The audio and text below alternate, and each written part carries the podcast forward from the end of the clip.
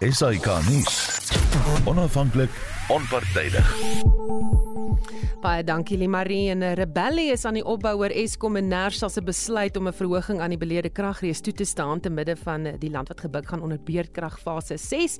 En terwyl dit aan die gang is, is die DBV op soek na 'n tuur wat glo ontsnap het in die Wolkerwil gebied in die Valdriehoek en ek dink dit daardie kombinasie van donker en 'n tuur is goed nie. Uh die tuur was glo 'n private aanhouding maar het ontsnap en na bewering 'n man en sy hond aangeval. Nou ja, opwindende week hier in die nuus hier in Suid-Afrika. Welkom by Kommentaar.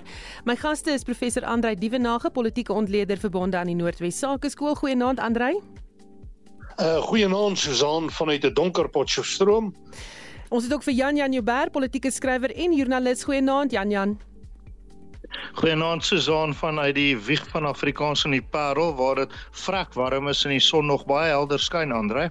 Hm, jy's gelukkig daar en uh, in die ateljee Liesel Belange sien 'n verslaggewer by rapport. Sy's hier in Johannesburg in die ateljee waar ons nie krag het nie en is ook baie warm. Welkom. Baie dankie. Ons het dan vir die oomblik krag, maar dit gaan nou nou weer afgaan so. Ek sê maar duim vas. Goed, my klankregisseur is Daitron Godfrey en ek is Susan Paxton.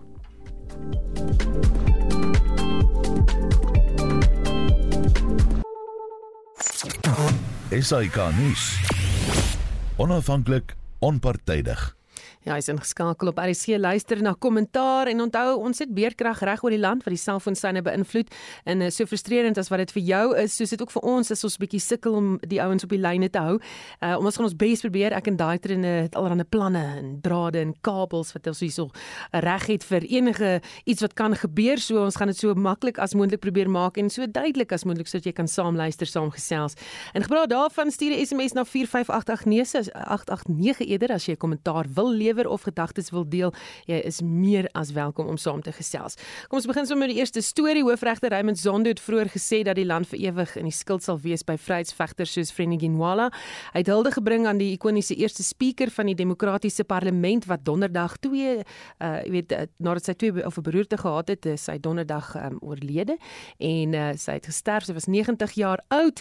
Uh Zondo het voortgesê dat die beste manier om haar te eer sal wees om 'n demokrasie te beskerm. Liesel Ja, en 'n interessante stuk wat eh uh, Monli Makanya van City Press ook vandag geskryf het, wat hy juis geëindig het, hy het ook hulde gebring aan Frenigin Walla en toe gesê dis baie jammer dat hulle almal hartseer moet sterf weet en en die beste wat ons nou juist kan doen is om ons stelsels uit te sorteer. Want mense soos daai wat blou bloed uh, struggle persone was as mens dit so kan stel het 'n geweldige groot rol gespeel in die oorgang. Ehm um, sy het 'n baie groot rol gespeel in die opstel van die grondwet en uiteraard om weet nuwe tradisies in die nasionale vergadering te vestig en so aan. En uh, ja 'n klomp van daai ou blou bloed is nou weet besig om af te sterwe uh, te midde van 'n redelike groot krisis waarin die land homself op die oomblik bevind. Hm, dis uh jy weet hartseer woorde dat hulle hartseer moet sterf. Um ehm, Andrei, wie was sy? Wie uh, as as jy nou na haar geskiedenis gaan kyk soos Liesel tereg opmerk, sy kom uit die struggle uit. Sy was 'n joernalis. Sy het studeer onder meer by Oxford Universiteit en sy was in die periode 1994 tot 2004 was sy die speaker van die nasionale raad en dit het uh, aan haar 'n baie hoë en belangrike posisie gegee en in daai posisie het sy die rol gespeel om demokratiese waardes in die toe nuwe Suid-Afrika te vestig. En daarna het sy redelik stil op die agtergrond gaan staan en uit die politieke oog verdwyn en uh, ek moet sê haar nalatenskap is 'n groot nalatenskap in besonder vir die oorgang en ek stem met Liesel saam dat dit is nou deel van 'n generasie wat besig is om heeltemal uit te sterf en 'n nuwe generasie binne die ANC is besig om dinge te bestuur en ek stem ook met haar saam dat dit is te midde van groot mense is geneig om te sê reusagtige uitdagings waarvoor die nuwe demokrasie en die groter staatkundige bedeling tans voor te staan gekom het. Jan Jan, uh, laaste gedagtes oor haar nalatenskap? Ja, wel, um, sy was die spreker van die nasionale vergadering toe ek donkie jare terug in 2001 begin het om die parlement te dek en ek sal haar onthou vir drie dinge.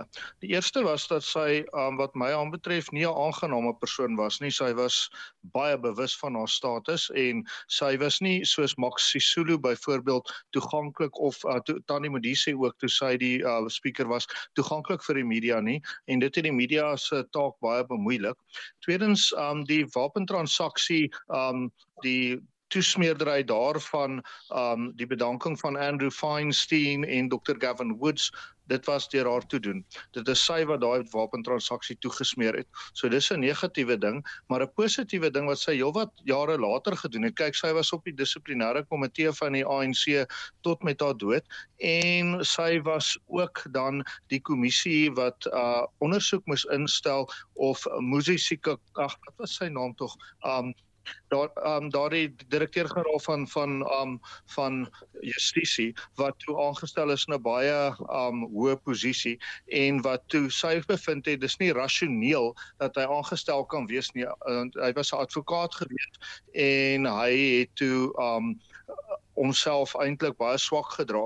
En dit het 'n baie groot bydrae tot ons land se regstelsel en politieke stelsel gemaak want um, die hele beginsel daarvan dat 'n beslissing en 'n aanstelling waar dit 'n prerogatief is wel ook rasioneel moet wees is deur haar gevestig. So in daai verband 'n baie groot bydrae tot ons demokrasie Kom ons gaan na 'n tweede tema toe, een waaroor almal praat, almal is kwaad daaroor. 'n Rebellie is op pad tussen die koerante vandag. Die land is woedend oor Nersa se besluit om 'n 18,565% verhoging aan Eskom toe te staan. Dit na die land sommer al vroeg vroeg onder beerkrag 6 begin deurloop het. Die Suid-Afrikaanse Vereniging van Plaaslike Regering sê deur die verhoging beloon Nersa Eskom se swak optrede en Jan Jan terwyl jy dan nou aan die woord was, sal gehad ook gesê dat die verhoging niks meer as die Reserwebank se teikenband vir inflasie behoort te wees nie, maar hier is dit nou meer as 18%. Ja, dis met ander woorde 3 keer um die die buitenste doelwit van die Reserwebank wat 3 tot 6% is. Weet jy Susan, um, ons gaan seker heelwat tyd aan hierdie kwessie afstaan want beerdkrag is 'n verskriklike ding. En nou sien ek daar's mense wat sê ons moet die strate invaar. En ek wonder hoe wys dit nou is. Jy weet dit is seker lekker vir politieke groeperinge om munt te slaan daaruit en ook burgerlike samelewing. Maar wat ek dink ons na moet vra is alternatiewe. Dit help op hierdie aarde niks. Jy gaan jou bietjie energie wat jy het nou met 'n opmars sonder 'n plan um daarop mors nie. So waar daar 'n plan is wat uitvoerbaar is, absoluut, dan steun ek dit. En wat mens hoor uit die regering uit en ek weet nie hoe uitvoerbaar dit is nie, maar dis ten minste 'n plan is hierdie elektrisiteitsskepe van die Turkse maatskappy, daai Power ships. En um ek dink ons moet baie mooi kyk dat ons eerder daaroor praat oor alternatiewe ter oplossing as om nou te kla oor hoe sleg die situasie is, want dit is sleg. Kom ons aanvaar dit, kom ons beweeg aan. Wat doen ons volgende wat produktief is? Dis maar my lees van die situasie. Liselit Nasha keuse anders as om meer geld Eskom se kant toe te stuur. Kyk ons weet Eskom is in die knyp en ons weet hulle daai geld nodig. Um en daar's nou natuurlik ook weer groot debatte gewees die afgelope week oor die afskryf van Soweto se se elektrisiteitsskuld. Maar net om terug te kom na die ek dis nou juist interessant genoeg ek sien die DA en daar's ander bewegings ook wat nou betogings op wat wat strate toe wil gaan.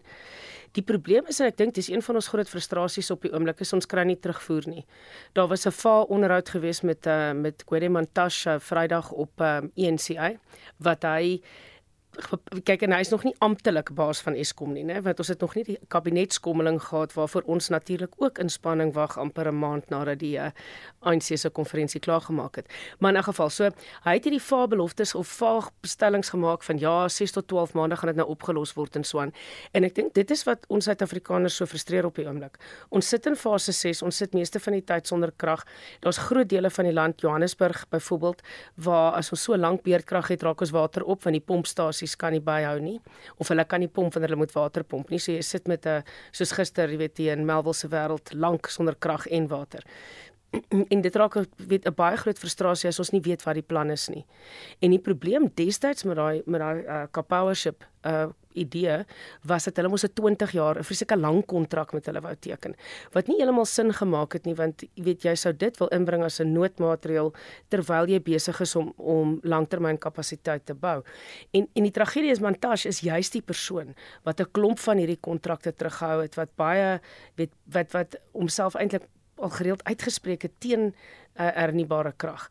So ons sit met 'n geweldige weet te mekaar speel op die oomblik en ons weet nie wat aangaan nie. Die president praat nie met ons nie. Weet ek het nou eendag met iemand gepraat wat gesê het ook weet tydens Covid is ons weet in besonderhede ingelig oor wat se skoene ons mag gekoop het of nie. Maar hier sit ons fase 6 dis 5 wat 4 of 5 dae later dit voel al soos 'n week. Ehm um, maar niemand praat met ons en sê vir ons wat aangaan nie. Mm, al ons hoor is tot verdere kennisgewing. Amandre Pali Lehotla, voormalige statikus-generaal sê hy verstaan ook nie nou Ramaphosa se verskoning oor beerkrag nie. Hy sê hy was daar toe die dom besluite geneem is oor hoe om die kragkrisis te bestuur. Hy was in daai sogenaamde war room. Harde woorde van sy kant af. Ja, eh uh, Susan inderdaad. Ek dink ons moet eh, 'n uh, bietjie net stil staan by die aard van die probleem waarvoor ons hier staan, want uh, ons ervaar nou die Eskom kragprobleem. Maar ek het nou 'n paar industrieë se leiers hoor praat oor die implikasies van hierdie beurtkrag en spesifiek die landbou, die besproeiingsboere. Mens dink aan letterlik elke terrein van die landbou word hier bedreig deur 'n ontsaglike krisis wat dringend dringend bestuur moet word. Dieselfde geld die mynindustrie, dieselfde geld plaaslike regering. Uh, Liesel het die voorbeeld van water genoem en dit is so dat meneer Ramaphosa nou al vir meer as 'n dekade in die sogenaamde war room onder meer gesit het dat hulle besluite moes neem en dat daardie besluite geen effek gehad het nie. Nou staan ons omtrent so bietjie meer as 'n jaar waarskynlik weg van 'n algemene verkiesing. 'n Verkiesing wat vir die ANC baie kritiek is want die meningspeilings wys dat hulle 'n goeie kans het om nie 'n volstrekte meerderheid te, te gaan kry nie. En nou skielik is daar ander maniere wat in die spel inkom om wil ek sê nie die saak te hanteer nie. En die bedanking van Andre de Ruyter is vir my uiters problematies. Ek praat nie eers van die die aanslag op sy lewe nie, maar dit is vir my duidelik dat syndikaate binne Eskom hierdie proses beheer en manipuleer. En ek is bereid om te sê die politieke wil om hierdie proses te hanteer bestaan nie en ek sien dit nie onder meneer Ramaphosa nie en nog minder onder meneer Gwedi Mantashe. Trouwens, ek dink meneer Gwedi Mantashe word op 'n manier gesien as deel van die groter probleem. En dis juis hy wat die pogings tot privatisering en ek dink dis die enigste antwoord wat ons werklik hier het is om maar te kyk na die privaat omgewing, die regulasies minder te maak, mense te uh, ondersteun wat deel wil word van die kragnetwerk en ek stem saam met Dirk Herman se kommentaar dat Nersa se eerste taak is om krag te kry in Suid-Afrika en nie om dit te reguleer teen al hoër tariewe terwyl daar al meer onwettige verbindings staan, korrupsie hoogty vier en staatsdepartemente rondgeskuif word in 'n poging om die Eskom saak te bestuur en te hanteer. So my bekommernis as dit kom by antwoorde vir die problematiek is dat die ANC polities gesproke eintlik ruimte wat bestaan vir antwoorde toemaak op talle maniere en ek sien in daai verband vir ons 'n reuse uitdaging en miskien moet ons nie maar na die strate toe gaan nie ons moet uiteindelik maar net eie inisiatief neem en goed tot stand bring wat vir ons kan deurdra in hierdie tyd. Dit is waarskynlik waar die antwoord lê en ek dink Eskom gaan uiteindelik die pad loop van die Suid-Afrikaanse lugdiens. Eendag sal ons maar net agterkom die vliegtye vlieg nie meer nie en ander vliegtye het nou hulle plek geneem. Dis die uitkoms van hierdie tipe strategie van transformasie onoordeelkundige transformasie, die kaderontplooiings en die korrupsienetwerke wat rondom dit vorm aangeneem het en wat steeds bestaan binne ja. die groter strukture van die politiek en die staat. Liesel? Ehm um, net om daarbey aan te sluit, ek dink wat wat ook interessant is, eh, weet ons het nou gepraat oor dat ons nie eintlik weet wat aangaan nie en dit lyk asof daar onwilligheid is om weet met dringendheid hierdie kwessie aan te spreek. En uh ons het juist 'n rapport het vandag berig oor ehm uh, advokaat uh, Tembeka Ngukatobi. Ehm um, 'n baie baie hoog hoog aangeskrewe regsgeleerde. Hy's uh, byvoorbeeld ook die outeur van twee baie interessant met baie goeie boeke en baie interessante boeke oor grondhervorming en so aan. So hy's 'n in 'n geval en hy hy het vry vroeg verlede week het hy uitgekom en gesê luister ek dink is tyd om die regering hof toe te vat. Um ek soek 'n kliënt en so aan en lyk like my binne 'n paar ure is daar 'n klomp mense wat by hom aangesluit het onder meer die um die UDM en Musimaimani en blykbaar 'n paar uh, nie regeringsorganisasies en nog regslui want uh, sy argument is dat dit is die regering se plig om elektrisiteit te lewer as 'n diens en dat hulle maak nou al vir 16 jaar, is dit 16 jaar ek dit voel soos 100 in 'n geval beloftes waar daar nie veel van kom nie, daar's nie vordering nie, mense weet nie wat aangaan nie, wat is die plan? En dit is dalk nou 'n ander manier, weet soos Janjan sê dalk gaan ons as asem mors as ons strate toe gaan, maar dalk gaan hulle daar iets reg kry. Ek weet nie om die regering op 'n manier tot verantwoording te dwing. Hm, Janjan? Ja, um, as ek by Lito kan aansluit, um advokaat Mugai Tobi is seker op hierdie stadium waar as hy nie die land se beste of voorste advokaat is nie, is hy baie naby en hy's 'n baie deurdagte persoon. So um ek uh, daar's bietjie min nog bekend oor presies wat hy wil doen, maar hy's nogal 'n ou om dop te hou. Die ander interessante voorstel wat kom uit 'n ander oord, naamlik solidariteit sover ek verstaan, is dat ons in 'n situasie kan ingaan waar met die instandhouding of opknapping van infrastruktuur van Eskom wat ons weet tekort skiet, um dat die swart ekonomiese bemagtiging um aspekte van die tersaaklike wetgewing opgehef word wat min of meer is wat gedoen is in die aanloop tot die 2010 Wêreldbeker toe ons so skielik moes stadions bou. Nou dit sal 'n omstrede handeling wees, maar dis ook daar in die debat en dit gaan interessant wees om te kyk hoe dit uitspeel. Dat daar met ander woorde 'n tipe noodtoestand um afgekondig word wat uh kragvoorsiening betref en dat daardie aspekte van die wetgewing dan tersyde gestel word, gaan natuurlik 'n verleentheid vir die ANC wees, maar nou nou ja, ek dink um Andre is reg en Liesel is reg dat hierdie ding het soveel aggressie reeds losgemaak en vernaam dan nou in die aanloop tot volgende jaar se verkiesing alle aanduidings dat die ANC selfs sy mag kan verloor en wat ons ook gesien het op die ANC kongres, die konferensie dat um, mense is baie ontstel daaroor dat dalk is dit tyd vir daai tipe drastiese handeling. Hmm. Ja, nee, net nog nie vir my regtig iets gesê oor planne om Eskom na die energie ministerie toe te skuif nie. Wel, dis grootliks sommer dit nie miskien so 'n goeie idee is nie. Ek dink nie dit kan sleg wees om hulle enige plek heen te skuif nie, maar dit gaan geen verandering maak nie. Dit is nou waar mens baie naby kom aan daardie Engelse uitdrukking van um van om die op die um dekstoele op die dek van die Titanic rond te skuif. Um die punt hier is nie aan wie Eskom rapporteer nie. Dis foute binne Eskom. Eerstens dat daar hopeloos te veel mense is wat daar betrekkings het. Mense um, wil nie eintlik sê wat daar werk nie, maar wat um, wat betrekkings het daar. Eskom moet um, eenvoudig en die regering en almal van ons moet ander maniere vind om energie um om aan ons energie uh, behoeftes te voldoen. En dit is die antwoord. Die antwoord is nie aan watter staatsdepartement Eskom, Denel of enigiemand anders te rapporteer nie. En vir my lyk dit eintlik soos 'n rondskop van die bal eerder as om in die rigting van die doelhok te beweeg. Hm. Daar was vroeër die week 'n voorstel dat iemand van buite moet kom help om Eskom te herstel. Sal dit enige verskil maak as hulle praat van iemand van buite, iemand van buite die land? Andrei? Uh Susan, nee ek dink nie dit gaan 'n verskil maak nie. Persoonlik dink ek dat Andre de Ruyter en Jan Oberholzer was uitstekende bestuurders. Maar die probleme in die organisasie lê op 'n ander vlak en dit is die vlak wat Jan Jan pas aangeraak het. En dis die kwessie van politieke beheer. Ek die kernprobleem is die bestuurders word nie toegelaat om die probleem binne die maatskappy aan te spreek nie. En van die probleme is onder meer om misdaad en syndikaate daadwerklik aan bande te lê. Om prosesse in terme van tendering en dienslewering te ondersoek en te kyk dat mense wat die beste en die goedkoopste byvoorbeeld steenkool kan lewer, dit moet lewer.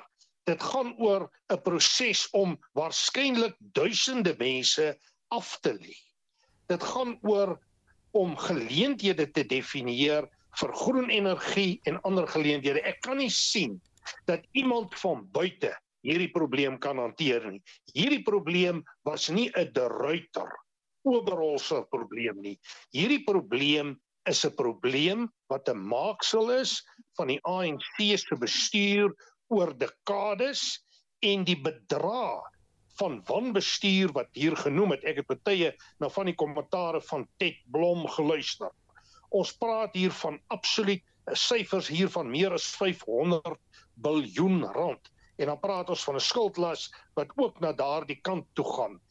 Hierdie saak is 'n politieke probleem wat wanbestuur is en ek kan nie sien dat die ANC met sy ideologie, sy benadering, sy verbintenis tot sekere leiers en hulle koppeling aan bepaalde constituencies die ruimte het om hierdie probleem aan te spreek nie. 'n Buitebestuurder sal myns insies bloot kos nie. Hm, lyk vir my Eskom wil weer dalk ingryp. Eliesel, so laaste gedagte van jou af oor Eskom? Ja, ek is bevrees die idee van uh van wat uh net so 'n probleme probeer toeverf um of kosmetiese planne probeer maak. Um die juis met die tyd van die ANC se konferensie um was daar wat interessant genoeg was is um jy weet daar was daar was groot aggressie by die konferensie ook oor oor beerdkrag en so aan. En dit is toe nou daar waar daar aangekondig is dat die weermag nou ontplooi gaan word om 'n klomp van die uh, kragstasies op te pas. En 'n kollega van my wat uh of 'n oud kollega van ons wat deesdae by Daily Maverick is dit toe nou so ewe droogweg opgemerk, maar daar is van hierdie kragstasies waar daar lankal uh weet weermag mense ontplooi is. Ek kan nie soldate ontplooi is. Ek kan nie nou onthou wat die een dit is nie.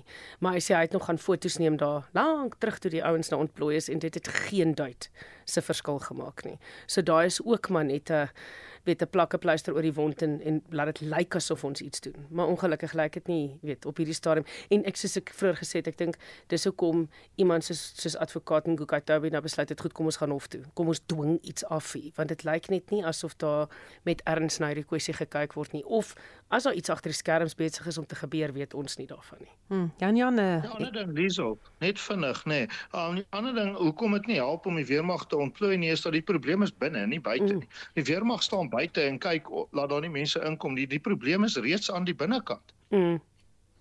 Goed, kom ons gaan aan na 'n volgende tema toe want die tyd stap aan. Ek dink ons kan 'n hele program wy net aan Eskom. Maar intussen hom en Mashaba leer van Action SA het op Twitter uitgevaar oor president Cyril Ramaphosa se uitlatings tydens sy 8 Januarie toespraak dat alle witmans rassiste is. Hy sê dis 'n gruwelike veralgemening en rassistiese aanmerking. Mashaba het verder gesê hy ken baie witmans wat rasisme probeer veg en verder sê hy toe ook witmans moet hulle uitspreek teen hierdie uitlating want dit is 'n gruwelike veralgemening wat hom dwars in die krop steek. Ramaphosa het die verwysing gemaak in sy 8 Januarie toespraak toe hy die seuns wat betrokke was by die voorval by Maselspoort in die Vrystaat toegespreek het. Andrei, wat maak jy eh, van eh, Ramaphosa se beligting van die kwessie in sy 8 Januarie toespraak en die reaksie daarop? Uh Susan, uh, om mee te begin, ek stem heeltemal met Herman Mashaba se oordeel saam. Ek dink dit was absoluut 'n verkeerde standpunt. Dit is 'n standpunt wat baie beslis rasgebaseerd is en rasgedrewe is. En ek dink dit was jammer dat uh, meneer Ramaphosa wat probeer om 'n beeld te projekteer dat hy 'n nasionale leier is, dat hy 'n bietjie verhewe is bo die problematieke en uitdagings van die ANC, sover gaan om so uitspraak te maak. En dan die party wat sover gaan om die twee gevalle uh, wat uh, nou geïmpliseer word hier op die verhoog te sit en dan voordat daar enige uitspraak oor die saak is. Want ek moet sê daai saak en ek het die ander kant van daardie verhaal gehoor. En die ander kant van daardie verhaal beteken dat die seuns geïmpliseer word in die feit dat hulle 'n jong kind in die water ingegooi het wat besig was om te verdrink. So daar's 'n ander kant aan daai saak en dit is jammer dat meneer Ramaphosa nie gewag het voordat die regsprosesse sy gang gegaan het alvorens hy so uitspraak gemaak het nie. Maar dit bring my by 'n groter probleem uit in Suid-Afrika en ek dink ek stem daar ook met Herman Mashaba saam. Ek dink sosiale kohesie in Suid-Afrika was selde so broos as op die oomblik in die periode sedert 94. En dit lyk vir my soos die ANC se steunbasis in die moeilikheid inhardloop, begin hulle toenemend identiteitspolitiek te bedryf. En die identiteitspolitiek ding werk op die beginsel van ons en hulle en die hulle moet dan nou die vyand wees. En hier word die vyand gedefinieer as die wit mense. En ons sien dit dat in baie strukture daar nie eenvormigheid is in terme van rasse diskriminerende voorvalle nie. Die beste voorbeeld hier is Malema se haatspraak in terme van kill the boer, kill the farmer en ek dink daar's talle ander voorbeelde ook in die verband. Ek dink dit bedreig sosiale kohesie en ek dink dit was 'n swak uitspraak van meneer Ramaphosa en ek dink nie dit het hom goed gedoen nie en ek moet 'n laaste punt hier noem ek bespeur ook 'n verwydering van ander minderheidsgroepe byvoorbeeld jou bruin mense en jou indiër mense in terme van die breë ANC politiek Jan Jan Mashaba het ook gesê dat hy verwag van wit mans om te sê dat hulle verontwaardig is oor die veralgemening dat hulle almal rassiste is. Susan, weet jy my gevoel oor hierdie tipe goed en dit gebeur maar gereeld, jy weet, um die pot met die ketel ook maar nie verwyd omdat hy swart is nie voel ek. Um want uh, waar daar rasisme is, dink ek dat waar wit mense rassisties optree, moet wit mense baie spesifiek dit veroordeel. Waar swart mense rassisties optree, moet swart mense dit veral dink ek veroordeel. Dit help absoluut niks dat die groep wat um wat beskuldig word nie self hand in eie boesem steek nie. So waar dis maar die verskil tussen die problematiek rondom rasisme na alle kante toe en die problematiek sê nou maar oor Eskom. Ons kan nie veel as gewone Suid-Afrikaners aan die Eskom ding doen nie, maar ons kan verskriklik baie dinge doen aan die rasisme ding. So met ander woorde, wanneer daar wit mans is wat swart kinders hardhandig behandel by Maselspoort, is dit belangrik vir wit mense om te sê ek stem nie saam daarmee nie. Wanneer dit dan daarop aankom, indien Andrei dan reg is, ek weet nie, ek het nie daai gehoor nie, maar as dit dan nou so is dat swart um kinders 'n uh, ander kind seker nou maar wit kind in die in die water gaan gooi, dan moet swart mense daar hand in eie boesem steek. Waar ons nêrens gaan uitkom nie is as elke wit mens verontwaardig is oor 'n klaarblyklike teenstrydigheid wat, wat wit mense aanbetref of 'n narigheid teenoor wit mense of bruin mense net wanneer bruin mense benadeel word ensovoort ensovoort. Dit is 'n kwessie daarvan dat ons moet werk na 'n tipe een sydigheid ag althans 'n eendragtigheid um wat hierdie tipe ding betref. Wat meneer Mashaba aanbetref, dis een van die redes hoekom ek hom nogal bewonder en ek dink ook hoekom Action SA so goed gedoen het in die munisipale verkiesing, is dat meneer Mashaba 'n swart persoon is wat nie net altyd opstaan wanneer sy eie rasgroep benadeel word nie. Hy steek die hand in eie boesem. Natuurlik het meneer Ramaphosa politiek gespeel en daar's meneer Mashaba reg, maar ek dink elkeen van ons kan kan op daai manier altyd eers kyk.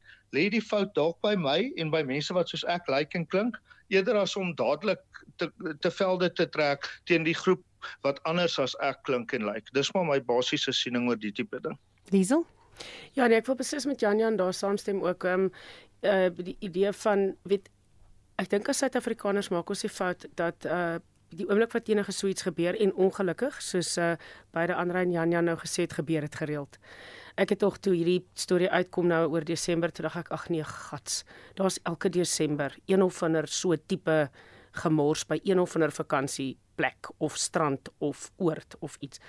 En die probleem is almal jaag dadelik in kampe in en almal raak dadelik defensief. En dis een van ons groot probleme. Ons moet gaan kyk wat het gebeur Hoe dit gebeur? Wat is die agtergrond? Kyk, ek weet nie wat presies voor die tyd of na die tyd gebeur het nie.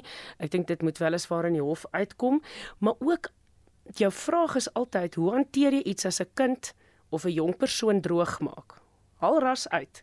Dis 'n kind. Dis 'n kind met wie jy werk. So as 'n kind of 'n jong persoon droogmaak en jy wil hulle aanvat daaroor, hoe doen jy dit?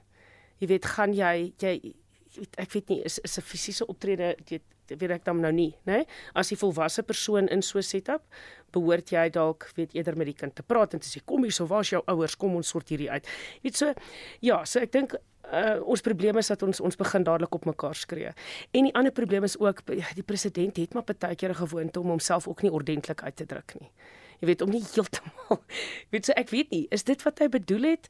Het hy dalk eerder bedoel dat die en en dis soos wat Tim uh, eh, depressiewe oggend geskryf het of ehm um, jy weet is dit eerder 'n kwessie dat hy probeer sê dit apartheid is verby so daai magsbalans het verander. Jy weet maar as dit is wat hy bedoel het het hy dit ook nou nie baie goed gestel nie hm. Goed, jy ja, luister na komment of skies, wie wil gesels? Jan Jan. Ek um, um ek, ek wil net by Liesel aansluit daar. Um die president het hom nie goed uitgedruk nie want dit die presiese woorde en ek bedoel rapport uitstekende hoofbrug daaroor. Um was gewees dat um swart mense moet nou weet apartheid sou verby so wit mense kan nie meer dit en dat doen nie. En die implikasie was byna soos Liesel nou gesê het die magsbalans het geswaai. Wel die magsbalans het nie geswaai nie. Ons grondwet sê almal is gelyk, maar ek stem baie saam met Liesel, baie sterk, amper amper sterker as wat ek kan sê dat mense moet hulle self ook intoom en bietjie gedra as kinders swak optree, is dit mos nou nie aanvaarbaar om op hulle af te kom op daardie manier nie. Ons moet altyd dink aan ons gedrag en ek praat hierso gebruik ek die eerste persoons voornaamwoord omdat dit op ons elkeen se bord is om dit te doen dat ons te alle tye na versoening in hierdie land strewe veral as dit moeilik is en altyd kyk dat ons nie mense in kampe injaag nie. Goed, jy luister na kommentaar net hierna gaan ons voort bly ingeskakel. thank you Is ingeskakel op RSG en jy luister na 'n kommentaar. My gaste vanaand is professor Andrei Dievenage, Jan Jan Jubber en Liesel de Lange. Ons praat 'n bietjie oor uh, Mosambiek en die soldate daar. 'n Ondersoekspan van die Suid-Afrikaanse Nasionale Weermag is gloos Mosambiek toe gestuur om die gebeure uh, om daardie video waarin soldate van die mag mense se liggame op 'n brandstapel gooi en verbrand. Dit is teen verskeie oorlogskonvensies om gesneuwelde soldate se liggame so te skend en die afgelope week het die video menigte geskok. Nou Erika Gibson het eers daar berig in die Vrye Weekblad en berig ook dan nou vandag daar's nog baie vrae oor die video veral omdat Samim 'n verklaring uitgereik het waarin hulle sê 30 insurgente is daardie dag dood. Sy wil dan ook weet wat het van die ander liggame geword, Andrei? Wel ja, ek dink dit reflekteer baie baie negatief op die Suid-Afrikaanse nasionale weermag. Ek het die video per toeval gesien en dit lyk eintlik soos blaatante barbarisme. Nou weer eens soos ons gesprek vroeër, ek dink 'n mens moet nou maar eers wag dat daar 'n volledige ondersoek kom, dat jy die hele konteks en agtergrond van die saak kry, maar ek moet sê uh, die Suid-Afrikaanse weermag uniform, die handeling van die mense, die wyse hoe hulle die lyke hanteer gaan absoluut teen oorlogskonvensies in en in terme van die basiese reëls. En 'n mens kan maar net hoop dat die saak in die oop hanteer sal word en dat die skuldiges geïdentifiseer sal word en aan die pen sal ry. So uh, dit is 'n kort my kyk daarop, maar die agtergrond, die konteks van die hele saak mag verklaar, maar ek dink dit sal moeilik by 'n verklaring uitkom wat kan dien as 'n regverdiging vir daardie tipe van optrede. Hm. Ja nee, uh, daar is spesifieke konvensies ingestel oor gesneuwelde soldate se liggame en hoe dit hanteer moet word, want dit gebeur dat hierdie soldate se liggame, jy weet, nie reg hanteer word nie, reg? Ja, Susan, um, ek stem saam met Andre en dis my vrees dat hierdie nie in die oop hanteer gaan word nie. Die Suid-Afrikaanse weermag, nasionale weermag altans sê dit 94 het ongelukkig 'n uh, tradisie opgebou van toesmeerdery waarvan die um aanval op meneer Chauke um van Alexandra net so aan die begin van die Grendeltyd miskien van die ergste is. Nog 'n voorbeeld is daardie um daardie medisyne wat onwettig uit Kiba ingevoer is en en en en. So um hierdie ding het gebeur dis duidelik nie reg nie. Daar is soos jy sê konvensies en ek hoop dat watter um nagevolge daar ook al gaan wees daar nie toesmeedery sal wees nie militêre howe is is berig daarvoor dat hulle nie baie deursigtig is nie. Ek hoop dat iemand in die weermag nou wakker word en dit 'n oop proses maak sodat ons kan sien wat daar gebeur het en sodat hierdie gevoel wat ek maar het dat die weermag baie geneig is om sy eie mense te beskerm veral wanneer hulle verkeerd gedoen het dat dit nie weer gebeur nie soos Andre ook gesê het. Um, met dit alles gesê, Liesel, wil ons hê die weermag moet wet en orde kom handhaaf binnelands as ons nou al hierdie goed noem en dan nou hierdie sien. Nee, ongetwyfeld nie. Ehm um, kyk, 'n weermag is nie daarvoor opgelei nie. Jou soldate is nie opgelei om dit te kan doen nie. Jy wil hulle definitief nie binneland sien nie. Dit was een van die groot die een van die groot uh, krit krit uh, kritiekpunte. Ekskuus, sit tel ek myself nou van baie sleg ja. punte van kritiek, jammer. Ehm um, weet net om by Janjan aan te sluit ook is die gebruik van die weermag gewees byvoorbeeld rondom COVID, want daai mense is nie opgelei daarvoor nie. Die hulle weet nie om die publiek te hanteer nie. Daar's 'n klomp kwessies wat daar kan skeefloop. Ehm um, net om om by te voeg ook by uh, Janjan se rits voorbeelde van jy weet uh, goed wat ons nie lekker weet wat gebeur het en aangaan en wat die naderdraai daarvan was rondom die weermag nie. Natuurlik ook die uh, die Russiese skip wat daar in Simonstad was wat ons mm, almal nog steeds steeds vreeslik oor wonder wat het die skip nou daar loop maak en wat is nou daar die goed afgelaai. Wat is afgelaai mm. en wat is opgelaai daar en jy weet in die minister wat hom ons nou ewe gesê het sy het nie 'n idee nie. Ek ben regtig. Jy weet so ja. Sy het darm iets daar gesê. Ons het nog niks van haar gehoor oor hierdie voorval nie.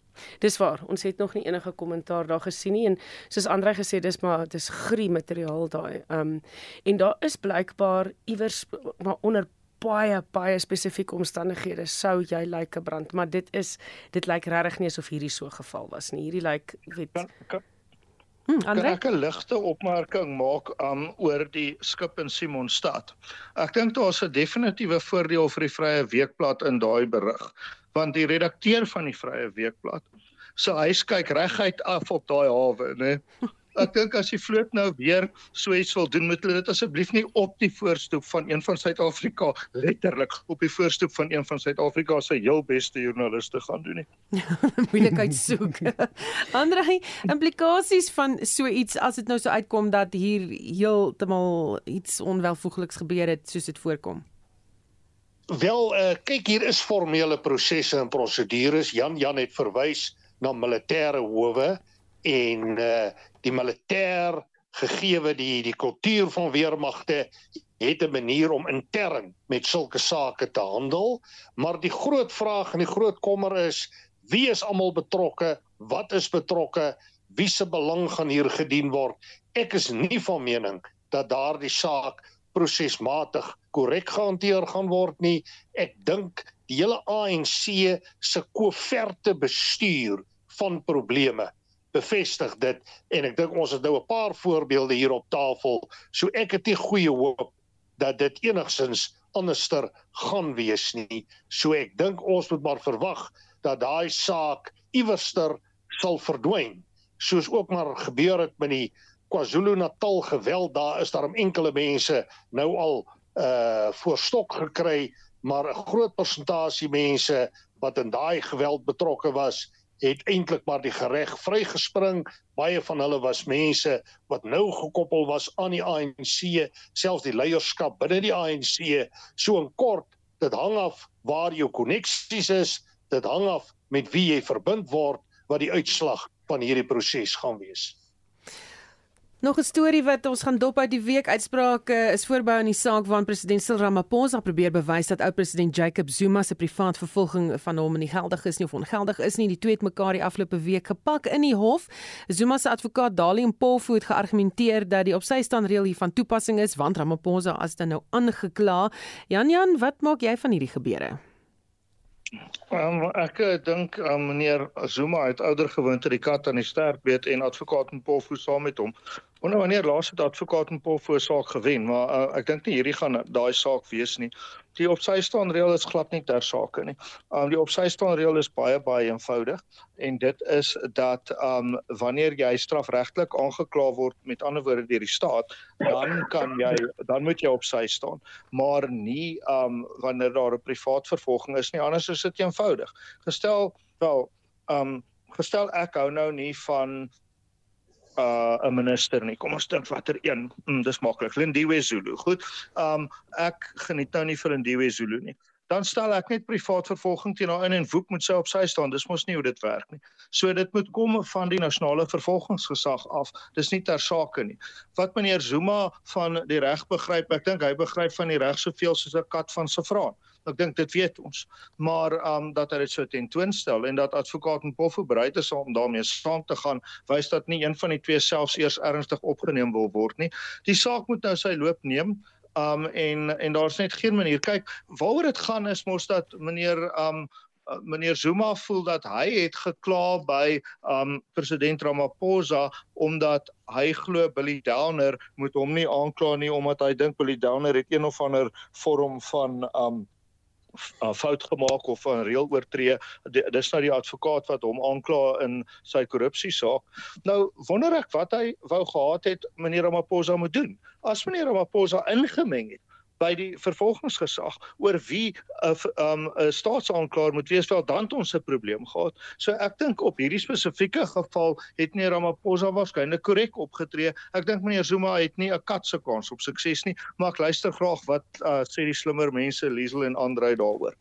Liesel de Valle slimmer is volgens Jan Jan hoor die saak in die hof. Maar kyk, ek is ek is geen regsgeleerde nie, ek is ook eerder 'n student van die politiek, maar ja, dit is tog die verdeling van magte. So dit sou soos Jan Jan nou gesê totaal onaanvaarbaar gewees het vir die president om enigsins homself daaroor uit te laat of iets te doen daaraan.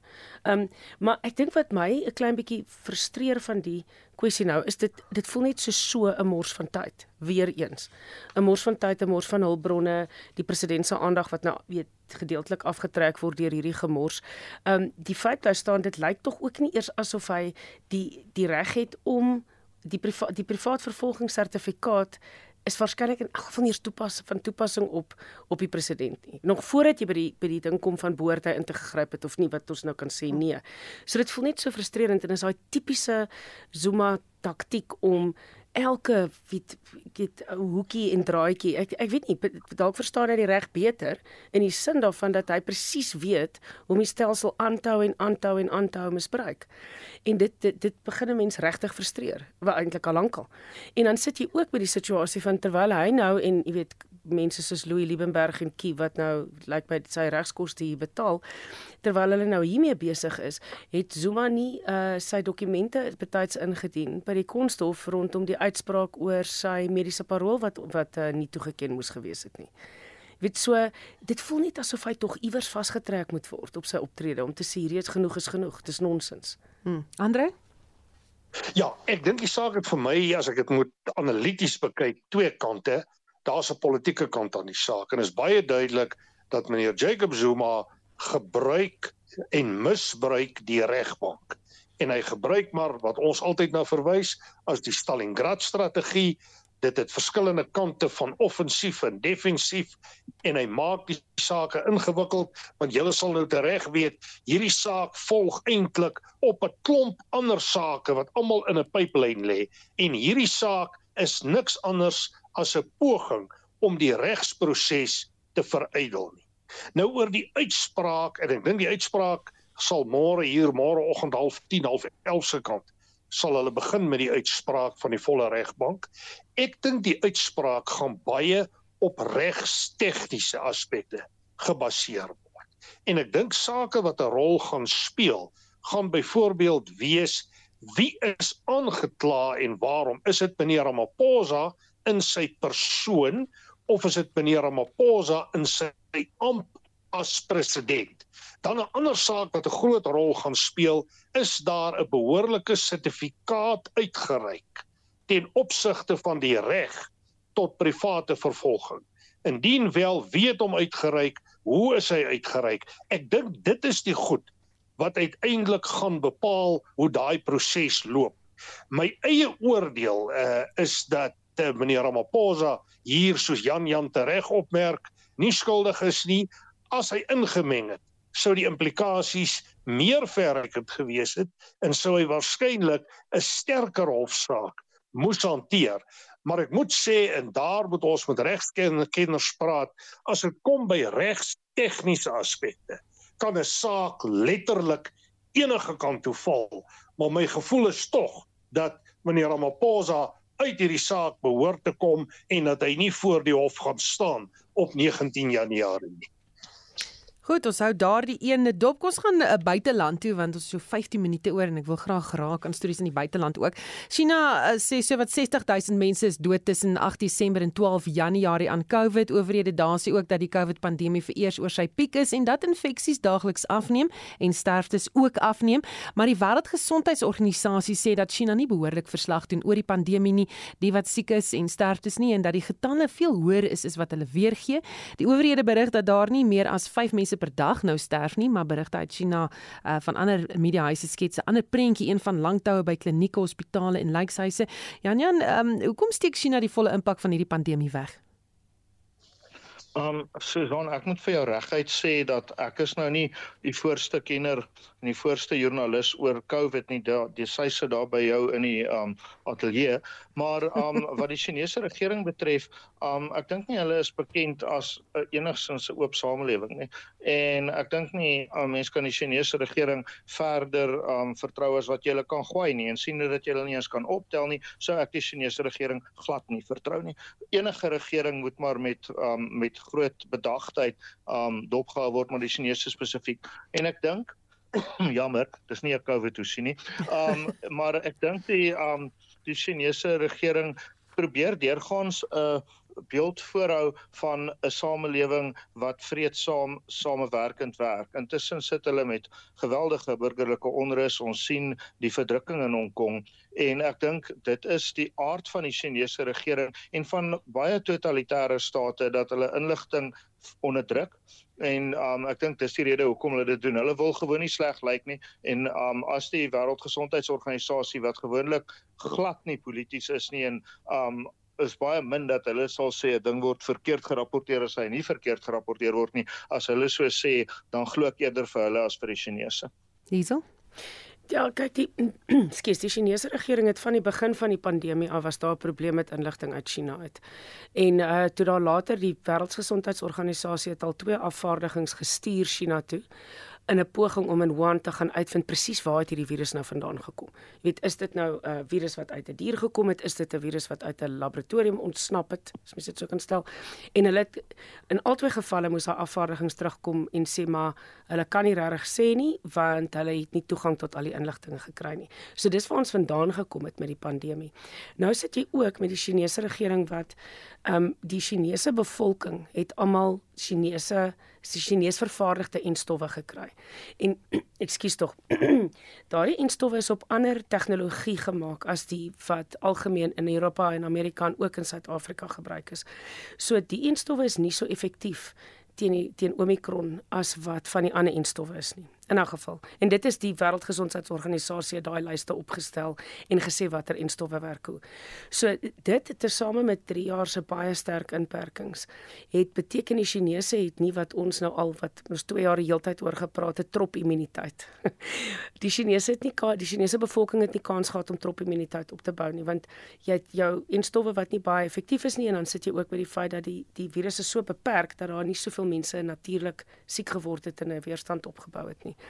Maar toe het hulle nou aangehou met hierdie zero covid beleid van hulle tot einde laas jaar wat hulle wat daar begin ehm um, onlus in die bevolking gekom het. Jy het jy het 'n klomp klein betogingkies en uh, wat hulle genoem het uh, silent protests en so aangegaan. Ek dink in 9 of 10 verskillende plekke in China oor 'n tydperk van 'n paar dae. En toe die regering skielik gesê goed, ons maak oop. Want ek dink hulle toe besef maar jy weet hier is dalk nou moeilikheid. Maar nou sit jy met die siekte wat versprei soos 'n veldbrand en en die Chinese soos Jan Jan ook gesê daar's nie 'n tradisie van openlikheid met inligting nie. So hulle en en om nou te gaan sê luister hier, ons is oorweldig hier's 'n geweldige hoeveelheid mense wat doodgaan is bietjie van 'n 'n massiewe verleentheid vir Beijing omdat hulle nou so half trots was op die feit dat hulle hierdie siekte so geweldig bestuur het oor die afgelope 3 jaar. Hm. Andre, wat is die moontlike impak uh jy weet die plaaslik en die res van die wêreld oor al hierdie gebeure in China? Uh, Susan dit hang af hoe groot die probleem werklik in China is. Nou die beeld wat ek kry nou baie bronne is maar uh sosiale media bronne, maar hulle haal daarom ook gesaghebende internasionale media groepe aan en sommige van hulle beweer dat daar tot soveel as 17% van die Chinese bevolking geaffekteer kan wees. Nou praat ons hier van 'n paar honderd miljoen mense. Nou indien dit die geval is, dan sit ons met 'n reuse probleem en dan is dit 'n kwessie van tyd voordat dit uit China gaan begin versprei oor die wêreld heen. Die punt wat Liesel daar maak is 'n baie geldige punt op 'n paar vlakke. Die een is dat hulle begin medikasies in te voer vanuit Europa en dit is 'n indikasie dat daar wel 'n probleem is. Wat ek wel wil byvoeg in op 'n manier hang dit saam met die COVID probleem. Daar is 'n reuse probleem in China aan die ontwikkel. En dit is 'n ekonomiese probleem. En dit hou verband daarmee dat hoë vlakke van ekonomiese groei oor 'n periode heen skep ongelykheid en ongelyke toegang tot hulpbronne en dit skep geweldige spanning in die sosiale fabriek van die samelewing. En dit is een van die faktore wat lei tot onstabiliteit. En op sy manier ondermyn dit weer die COVID inperkings. Want ek het ook wyd opgetel uh, dat daar opstande en onstabiliteit in China is. Maar ek dink daar is 'n probleem. Ek dink dit hou 'n risiko in ook vir Suid-Afrika. En ek dink dit is belangrik dat ons voortydig begin om te beplan. Wat ek wel kan sê is en dit was van die gesprekke wat ons maar hier in ons omgewings gehad het, is dat mense nie meer bereid is om hulle te laat inbind soos wat die geval was in 2020 nie. Ek dink daar gaan ook binne Suid-Afrika groter weerstand wees sou daar inperkingsmaatreëls afgekondig word. Ek dink uh, net om by Andre daar aan te sluit, ek dink ook een van die goed waar ons bekommerd is nou spesifiek vir China, behalwe nou China se eie interne politieke situasie en soos hy sê die, die onstabiliteit wat hierdie ook kan bring, is uh die wêreldekonomie weer eens. Want jy gaan weer 'n probleem met die verskaffingsketting hê as jy geweldige volumes mense het wat siek word en die fabrieke maak toe en weet ons het gesien wat het gebeur met die eerste 2 jaar van COVID toe die wêreld se fabrieke soos weet soos ons hom ken basies toegemaak het en jou uitvoere uh, uh, beperk is en so aan. Die die ander interessante ding net wat wat die spesifieke soort virus is wat nou die rondte doen Omicron is 'n daar's al iets so 650 subvariante van Omicron wat ons mos hier vlak voor Kersfees laas jaar in Suid-Afrika die eerste keer geïdentifiseer het. Die Suid-Afrikaanse bevolking se immuniteit is baie sterk al teen teen hom. Ehm uh, mense soos uh, Prof Shabir Madi van die die enstofkundige en dekaan van gesondheid by Wits en verskeie ander kenners Dr Kloete van Vuur en die ouens met wie ons deurlopend gepraat het oor die oor die uh, pandemie het gesê dat Suid-Afrikaners danksy inentings en ook uh te midde van uh natuurlike immuniteit, mense wat siek geword het. Ons moet ook onthou daar's mense wat die hoogste prys betaal het, né, vir mm -hmm. daai as mens dit nou kan sê natuurlike immuniteit. Maar in elk geval ehm um, het ons 'n baie sterk weerstand teen Omicron. So die kanse dat dit 'n groot probleem gaan skep in Suid-Afrika is baie laag. Interessant genoeg ook dieselfde tipe variante doen op die oomblik hier rondte in Amerika en die die infeksie styg, maar jou hospitalisasies en jou sterftes is besig om af te neem. Selfde storie immuniteit, verspreiding van die virus, natuurlike immuniteit wat opgebou het. So ek dink nie ons moet ek dink nie ons hoef nou weet paniekerig te raak oor die idee dat dat daar weer 'n vorm van die virus hier gaan uitkom en dat ons weer gaan gaan inperkings en so hê nie. Hierdie is dalk eerder 'n kommer oor wat die ek, ekonomiese impak uit China uit gaan wees. Hm. Nog 'n internasionale storie wat voortduur is die oorlog in Oekraïne. 25 mense is dood nadat 'n Russiese missiel 'n woonstelgebou in uh, Dnipro in pyn gelê het. Die dodetal kan nog styg terwyl nooddienswerkers daar deur die pyn gaan. In Rusland se Belgorod streek is 3 mense dood en 13 beseer toe 'n ammunisie depo ontplof het. Ehm um, Rusland het ook 'n nuwe bevelvoerder aangestel om sy mag in die aanval op Oekraïne te lei, Andrei. Ja, eh uh, Susan, ek volg die oorlog nou so via sosiale media en dit is duidelik dat die Russiese besettingsmagte op die oomblik geweldig swaar kry.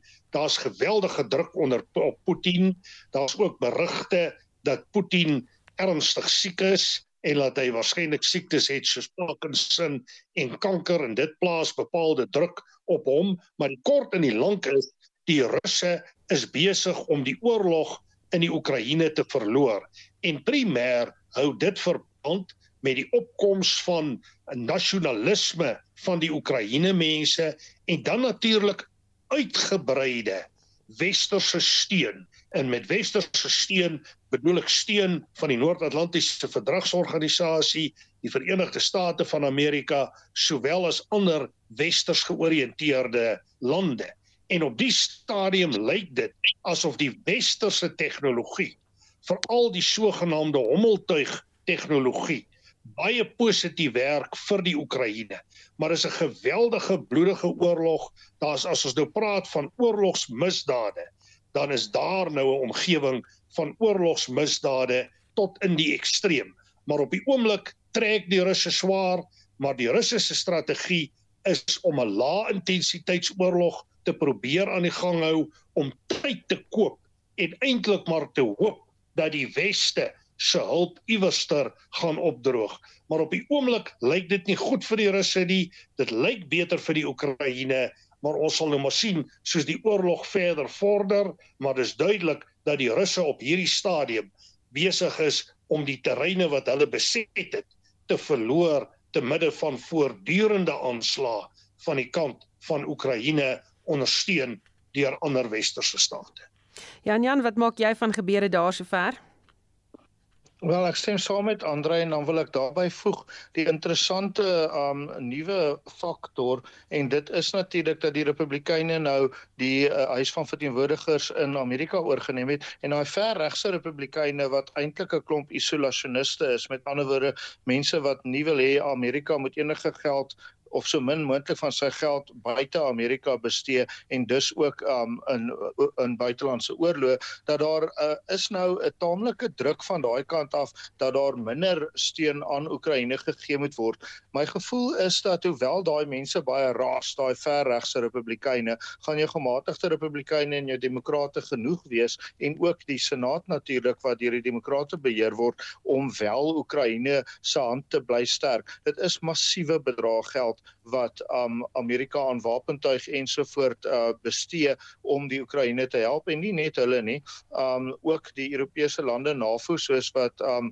soos wat Andrei gesê het ook Australië ook Japan. Japan het 'n geweldige hoë offer gebring om um Oekraïne te help. Hulle hele beleid van um van om beter met Rusland oor die weg te kom is daarmee heen. Hulle het dit opgeoffer in belang van die demokrasie en in belang daarvan dat lande nie net aangeval kan word nie. Maar ek dink daai Amerikaanse dinamiek is nogal een om dop te hou. Hm. Niesel, laaste woord is joune. Ja, die tragedie is dit ook as mens na al hierdie militêre goed kyk en die die vordering van die oorlog is die groot vraag net is of daai hulpbronne beskikbaar gaan wees om my land weer op te bou teen die tyd wat hierdie oorlog verby is.